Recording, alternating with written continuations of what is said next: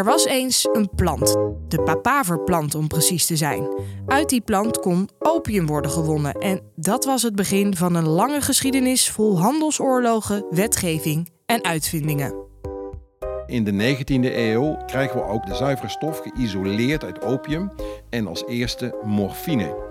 Nou, die zuivere stoffen die zijn veel krachtiger en sterker. En daar moet men mee leren werken. Nou, op het moment dat men dat onder de knie krijgt, gewoon met poedertjes, wordt de injectiespuit uitgevonden.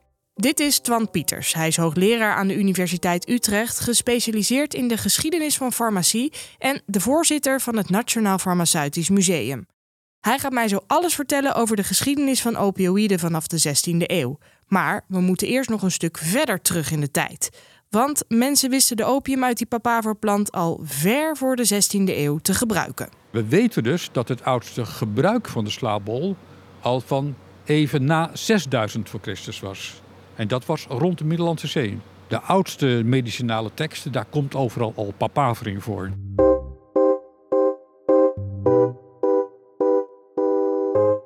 Dit is De Pijngrens, een podcast van de Nederlandse Vereniging voor Anesthesiologie. Ik ben Malou en in deze serie duik ik in de wereld van de opioïden. Samen met experts, artsen en patiënten kijk ik naar de rol van opioïden in de Nederlandse geneeskunde. Want waarom zijn opioïden belangrijk en waar liggen de risico's? Welke zorgprofessionals en instanties spelen hier een rol in? En hoe kunnen we ervoor zorgen dat we in Nederland verstandig met opioïden omgaan? In deze tweede aflevering duiken we in de geschiedenis van opioïden. En die geschiedenis begon dus bij een plant. Ik zoek daarom Arend Wakker op in de Hortus Botanicus in Amsterdam. Hallo. Hallo. Hallo. Hi. Arend is daar rondleider en weet echt alles over planten. Er wordt wel uh, boom gezaagd, zoals je hoort, met een mooie akoestiek op de achtergrond. Maar... Dat is wel passend, toch? Zeker passend. Niet dat de hele hortus weggezaagd gaat worden, maar... dat is goed om even te zeggen. Ja, de bomen blijven. De bomen blijven, ja. ja. En de hortus blijft uiteraard. En dat is eigenlijk wel bijzonder, want dit is een hele oude hortus. Hoe oud is deze hortus? Is, hij dateert op deze plek uit de tweede helft van de 17e eeuw. Op historische gronden begeven we ons. Zullen we even een eh, kijkje gaan nemen? Arend neemt me mee naar de plek waar de papaverplant normaal gesproken bloeit. Maar ik ben er in de herfst, dus ik kan hem helaas niet zien. Gelukkig heeft Arend allerlei foto's bij zich van de papaverplant en de opiumoogst. Uh, hier zien we een foto van de opiumoogst in Afghanistan. Je ziet hier uh, witte bloemen. En daar zie je die hele grote groene knoppen. Dat zijn eigenlijk zijn dat vruchten ervan. De onrijpe vruchten worden opengesneden. En dan komen er eigenlijk van die vieze druppels, beetje wittig sap komen eruit. Het ziet er niet heel lekker uit zo. Het ziet er niet heel lekker uit. Het is ook, uh, maar ja, het is maar net wat je lekker vindt natuurlijk. Uh, dat sap wordt gewonnen. Dat wordt bij elkaar. Het wordt geschraapt op een soort blikken ijzertje. En dit is eigenlijk de ruwe opium. Uh, later wordt hij nog nagedroogd. En, want het is dus eerst in die dikke druppels komt het eruit. Dan wordt het in een soort moes eraf geschraapt. En uiteindelijk worden die deeltjes gedroogd. die worden gedroogd. En je kunt ze dan of direct eten natuurlijk. Of je kunt ze roken. Roken is pas later eigenlijk ingekomen. Maar er was al heel lang in de oudheid is gezien dat de papaver, die slaapbol, dat als je dat gaat eten, dat je dan makkelijker kan slapen. Maar ook dat pijn verdwijnt. Uh, dat je verlamd kan raken en dat je allerlei mooie visioenen gaat krijgen. En dat visioen, dat is eigenlijk het hallucinogene effect. Uh, en daar is het eigenlijk het meest bekend voor geworden. De opium uit de papaverplant kan dus heel wat bij je losmaken. En het is niet de enige plant met een bijzondere werking in de hortus. We lopen naar de tropische kas, waar hij me nog meer van die medicinale planten laat zien. Oh ja, Hier is wel inderdaad meteen een andere uh, luchtkwaliteit. Ja, nou ook een luchtkwaliteit, ja. Het is warm en vochtig. Ik bedoel, het is de, eigenlijk een tropische regenwoudkas. Wat een verschil. Ja. ja, ik vind dit wel heerlijk, die warme temperatuur. Ik denk dat mijn voorouders ergens in de tropen geleefd hebben. Ik vind het heerlijk. Welke medicinale planten groeien er eigenlijk allemaal hier in de hortus? Ja. Hier hebben we bijvoorbeeld een koffieplant staan. Nou zul je zeggen, een koffieplant is niet medicinaal. Maar het is natuurlijk wel wat je noemt een psychoactieve plant. Je gaat er helderder van denken, slaap wordt verdreven, je wordt er fitter van. En dat is een medicinale werking, zou je kunnen zeggen. En zo werd het in de middeleeuwen of in de 17e en 18e eeuw werd koffie ook voorgeschreven door de dokter. Dan lopen we even door. Gember, dit zijn gemberplanten. Gember is natuurlijk eigenlijk ook uh, een oude medicinale plant. Zeker in de 17e en 18e eeuw werd dit gebruikt om de spijsvertering te bevorderen. En het bevorderen van de spijsvertering was zonder meer een medicinale toepassing. Hier, de Abrus precatorius, daar komen boontjes aan en die boontjes kunnen dodelijk vergiftig zijn. Dat zijn zwart-rode boontjes en die boontjes zijn eigenlijk direct dodelijk als je die gaat lekker inslikt, je koudt ze en dan val je om. Maar we hebben het over medicinaal, dus beter. dus we gaan snel weg bij deze boontjes. Deze planten die slaan we over, je hebt helemaal gelijk. Van de ene plant word je slaperig, van de andere juist weer fit en van weer een andere val je direct dood neer. Nou, dan is het toch vrij handig om te weten welke plant wat doet. Maar hoe kwamen mensen er vroeger nou achter hoe zo'n plant werkt? Blijkbaar is er ooit iemand geweest die zo'n gekke papaverbol zag en dacht: hé, hey, laat ik hier eens even een scherp mesje insteken om te kijken wat eruit komt. Arend heeft wel een goede theorie over hoe dit eraan toe ging. Als je afhankelijk bent van al de planten uit de omgeving, dan wordt er natuurlijk heel veel geprobeerd. Kijk naar wilde dieren, die lopen een beetje speurend door het oerwoud. Hier eten ze een beetje, daar eten ze een beetje. Klein blaadje, ze snuffelen en dan lopen ze weer verder. Zo liepen wij vroeger natuurlijk ook in het bos rond. Hier en daar aten we wat. En soms zag je dat er mensen uit de groep omvielen of ziek werden. En als je op elkaar let, en wij zijn natuurlijk een hele sociale soort, dan weet je dat de plant die daarvoor net gegeten werd, daar blijf je dan af. En als diegene bijvoorbeeld eerst eh, pijn had en op een gegeven moment eh, verdwijnt die pijn, dan zien de andere mensen dat ook. En op een dergelijke manier worden al dit soort eh, effecten gewoon door trial en error ontdekt. En eigenlijk opgeslagen in de kennis van met name de oudere mensen van de groep waarin je leeft. En, en het feit dat de oudere mensen überhaupt nog in leven waren, dat maakt ze al een betrouwbare bron van kennis. En op die manier zijn we dus ook achter die kennis van medicinale planten gekomen. En geldt dat ook voor het opium? Is daar iets over bekend hoe achter die werking is gekomen? Nee, dat weten we niet. Uh, we weten het wel dat in de oudste medicinale teksten, daar komt overal al papaver voor. Teksten en afbeeldingen uit het nabije oosten, dus Irak zeg maar, is het al wel in een godsdienstige context staan die dingen. En dat suggereert dat de mensen die die slaapbol hadden ingenomen, dus een soort priesterlijke functie hadden.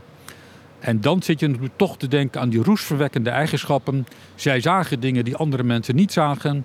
Ze konden daar mooi over vertellen. En dan kun je dus voorstellen dat in een of andere uh, godsdienstige riten... Uh, door die priesters die slaapbol werd ingenomen. En ja, en, en voor de rest weten we dat natuurlijk niet. Maar dat is wel de context van het oudste gebruik van de slaapbol. En wanneer was dat dan ongeveer? Die oudste inscripties die zijn dateren van zo'n 3000 voor Christus. Maar we weten dus dat het oudste gebruik van de slaapbol al van even na 6000 voor Christus was. En dat was rond de Middellandse Zee. De opium uit de papaverplant is niet de enige stof met deze werking. Andere bekende zijn de peyote of de liaan. Die liaan die wordt gebruikt om ayahuasca te maken. Arend neemt me mee naar zo'n liaan om me meer te vertellen over wat ayahuasca precies doet. En deze is familie van de Banistopterus liaan.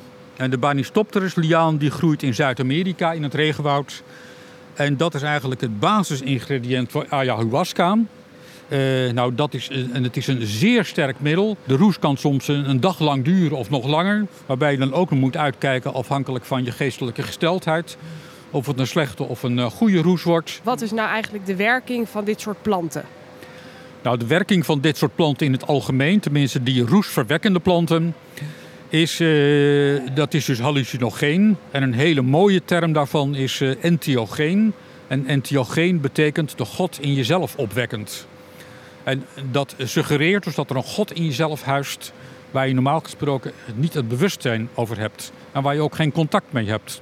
Maar na inname van deze middelen, en dat kan dus slaapbol zijn, dat kan ayahuasca zijn, dat kan ook peyote zijn en nog andere dingen dan komt die God in jezelf, wordt losgemaakt en daar kom je dan mee in contact.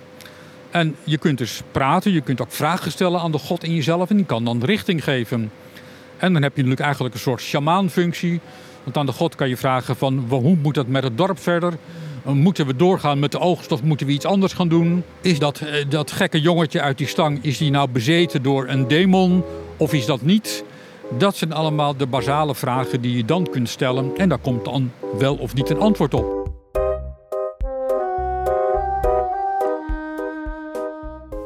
Opium heeft dus ook die entheogene werking en werd al eeuwen voor Christus door allerlei stammen en volken gebruikt. Mensen kwamen er toen ook al snel achter dat opium heel veel andere handige werkingen heeft. Twan Pieters vertelt me in zijn kantoor in Utrecht over de bekende Romeinse arts Claudius Galenus. Hij deelde opium in de tweede eeuw uit alsof het een soort wondermiddel was. Die uh, Galenus die verpakte opium in een totaalmedicijn. Dus die had echt een soort panacee, kon je overal voor gebruiken. Van hoesten, van koorts, van uh, had je buikloop. Overal uh, zou het tegen helpen. Uh, slaapmiddel, het is natuurlijk een goed slaapmiddel, dus je kan best wel voor veel dingen gebruiken. Hij gebruikte dat ook bij de keizer, die nou behoorlijk uh, bij de les gehouden werd, want die moest natuurlijk had heel druk bestaan. En om zijn slaap te bevorderen en zijn conditie, kreeg hij opium voorgeschreven. En dan in de vorm van teriak. Teriak is een middel dat bestaat uit 50 ingrediënten, waarvan opium een van de belangrijkste is. Het wordt ontzettend populair vanaf de tweede eeuw. En vanaf de 17e eeuw komt er in het medicijnkastje een belangrijk ander middel bij, laudanum, een opiummengsel. Opium wordt dus steeds belangrijker in pijnbehandeling. In de 19e eeuw zijn er vervolgens een hoop nieuwe uitvindingen, waardoor het gebruik van opioïden zich supersnel kan ontwikkelen. Dat begint in 1805, wanneer er wordt ontdekt hoe je het werkzame stofje uit die opium kunt halen. Dat noemen we ook wel isoleren. In uh, 1805 uh, dan is er een apothekersleerling in uh, Duitsland, Serturner. En die, uh, ja, of dat nou per toeval is geweest, maar die is in ieder geval aan het experimenteren in het laboratorium van de apotheek. En uh, die gooit daar wat bestanddelen, wat uh, zuurtjes bij en, en noem maar op. En heeft op een bepaald moment letterlijk het werkzame bestanddeel uit die opium geïsoleerd. En noemt dat morfine. En waar komt die naam vandaan? Natuurlijk van Morpheus, de, de god van de slaap. We kunnen dus opeens precies die stof die pijn verlicht uit die opium halen en puur gebruiken. Morfine is daarmee geboren. En dat creëert heel wat mogelijkheden voor artsen daar was eigenlijk niks om patiënten te verdoven, zeg maar. Het enige wat je had was, was alcohol of iets dergelijks, of ether. Maar we hadden nog niet echt goede eh, sterkwerkende pijnstillers. En dat is pas gekomen nadat we uit dat opium morfine konden maken. En dat, ja, dat, is, dat, dat deden apothekers, dat is nog steeds zo. Maar die hebben dat toen ontdekt dat dat kon. En, zo, zijn er steeds meer sterkwerkende opioïden, uh, zijn ze dat gaan gebruiken. Je hoort hier anesthesioloog en pijnspecialist Xander Zuidma, die ook al in de eerste aflevering te horen was. Hij vertelt mij dat er in de 19e eeuw zelfs handelsoorlogen werden gevoerd om opium. Het probleem van opioïden is eigenlijk ontstaan toen mensen doorkregen dat opium dat dat gewoon een heel lekker stofje was. En uh, dat, dat opium, dat uh, werd toen de tijd, hè, praat je over 1840, 1860, werd verscheept vanuit Indië naar bijvoorbeeld China. Nou, en, en, zoals alles eigenlijk, als je dingen niet goed begrijpt in de wereldeconomie, heeft te maken met liefde, met geld of met uh, macht. Nou, in dit geval had het te maken met geld. Omdat het Britse koninkrijk toen de tijd had een negatieve handelsbalans ten opzichte van China. En dat wilden ze veranderen. En toen hadden ze ineens, hé, hey, dat opium, dat is wel een mooi spul. Da daar kunnen we goed handel mee drijven. Nou, en zo is dat uh, van het Britse koninkrijk naar China overgeheveld. Uh, maar dat spul was hartstikke verslavend. En dat kwamen die Chinezen ook al heel snel achter. Dus die wilden dat eigenlijk niet in hun land hebben. En zo zijn er, om die reden zijn er zelfs oorlogen uh, ontstaan uh, tussen China en het Britse koninkrijk. Bij de handel in opium stond er veel geld op het spel. En dus werd er hard om gevochten. In de medische wereld leerden artsen ondertussen werken met morfine. En er is een belangrijke nieuwe uitvinding op het moment dat men dat onder de knie krijgt, gewoon met poedertjes, wordt de injectiespuit uitgevonden. En uh, de injectiespuit die wordt gezien als een soort toonbeeld van de moderne geneeskunde, uh, waar artsen zich graag mee laten zien. Uh, die gaan morfine meer gebruiken in de injectiespuit. Um, en dat is natuurlijk een heel krachtig middel, maar dat maakt ook indruk. En uh, steeds meer patiënten gaan daar gebruik van maken, ook artsen zelf. Want die aderen, daar zitten meteen in die aderen, dus het werkt meteen. Het werkt meteen krachtig op uh, zware pijn. Het wordt ook steeds meer een uh, middel wat op de grensvlak van medisch en niet-medisch gebruik ingezet wordt.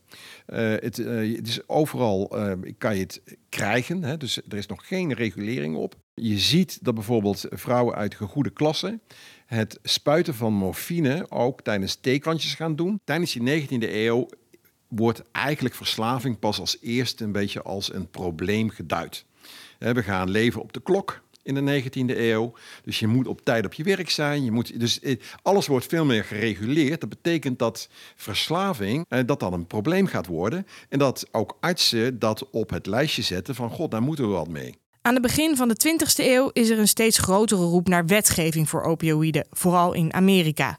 In Nederland duurt het allemaal wat langer. De gezondheid van de bevolking was namelijk niet het enige belang. Die hele, uh, je zou kunnen zeggen, die koloniale onderneming voor een gedeelte wordt gefinancierd door de opiumhandel in Indonesië. Nou, dat geld wil je niet kwijt. Uh, en Nederlanders zijn natuurlijk altijd op de handel uit hè, en altijd centjes aan tellen. Dus ook in die periode en uh, moeten op een bepaald moment onder diplomatieke druk bakzeil halen. En ehm, dat gebeurde dus in 1919, pas vergeleken bij Amerika is dat al veel eerder. Die lopen echt 15 jaar voor met wetgeving. In 1919 krijgen ook wij dus een opiumwet. En daardoor kun je opioïden alleen nog maar op recept krijgen bij de apotheek. Het gebruik wordt vanaf dan veel meer gecontroleerd. Wat je ziet, hè, dus uh, we krijgen dat nieuwe regime, zou je kunnen zeggen. Die nieuwe regulering vanaf de jaren 20. En uh, er wordt ook steeds eh, waarschuwender geschreven over deze middelen. Uh, dat er een soort um, opiofobie, morfinefobie ontstaat.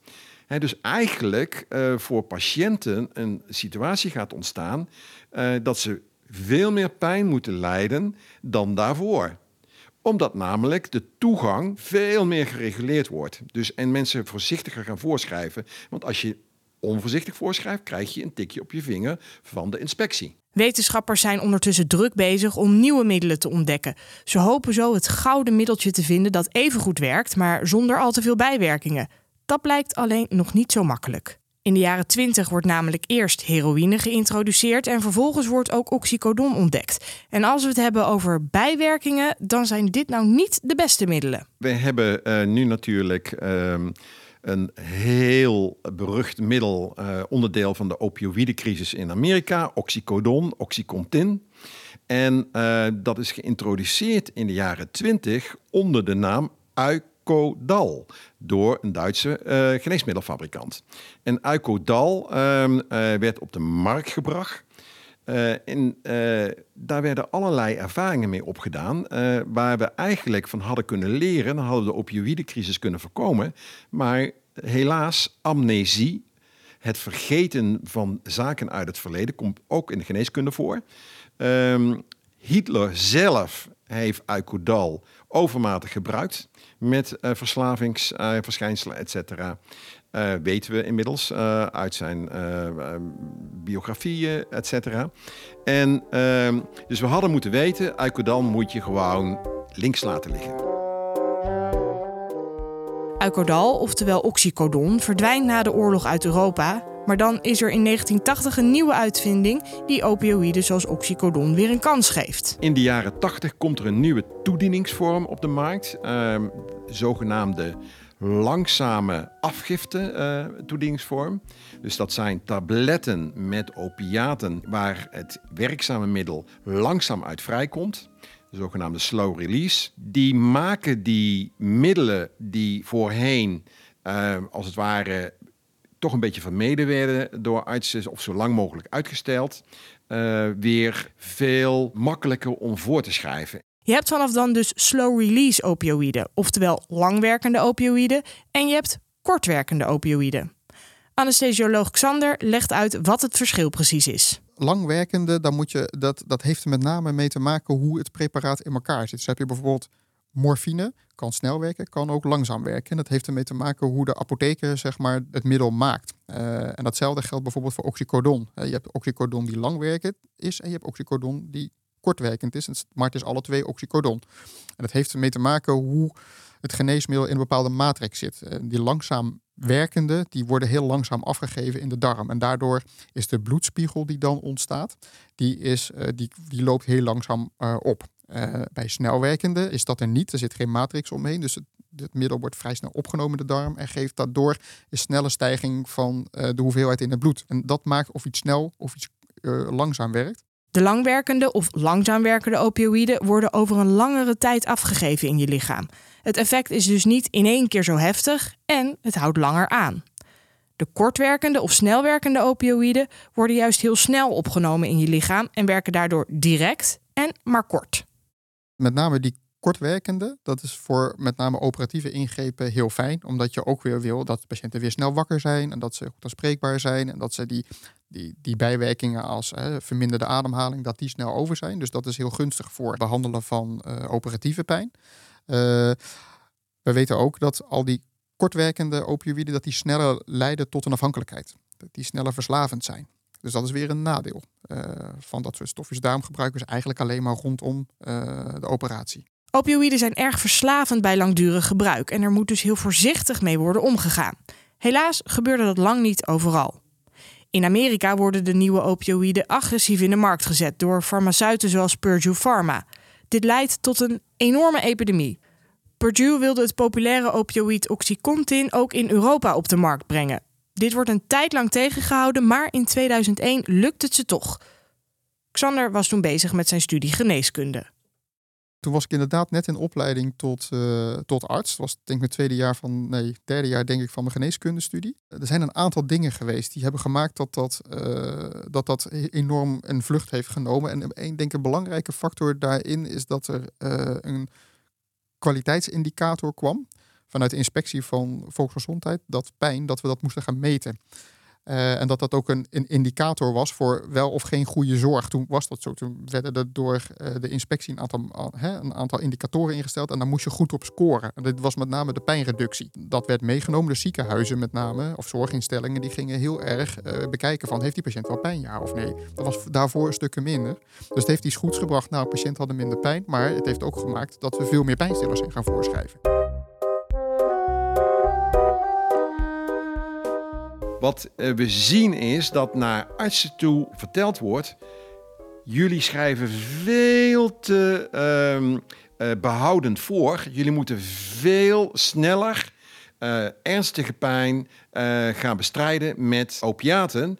Omdat als mensen te lang ernstige pijn hebben, gaan ze hun hele leven chronische pijn krijgen. Dus je ziet dat hele pijnbehandeling wereldwijd, want die mensen komen op internationale conferenties. Uh, daar wordt um, de boodschap uh, geuit van we moeten pijn beter bestrijden. In ziekenhuizen gaan we uh, patiënten vragen hoe uh, heeft u de kwaliteit van uw zorg uh, ervaren. En pijn gaat daarin meespelen in de beoordeling van ziekenhuizen. Dus je ziet alle partijen, verzekeraars, ziekenhuizen, allemaal staan in een voorschrijfstand. Terwijl tien jaar eerder stonden ze allemaal in de stand van heel erg beperkt voorschrijven. Pas in 2016 uh, beginnen we echt uh, te erkennen en herkennen dat we risico lopen dat we hier Amerikaanse toestanden zouden kunnen krijgen. Dan uh, gaat ook de minister van Gezondheidszorg gaat een oproep doen uh, om uh, artsen ehm, en apothekers aan te geven van ja, doe nou kalm aan met deze middelen, want deze middelen kunnen echt problemen veroorzaken.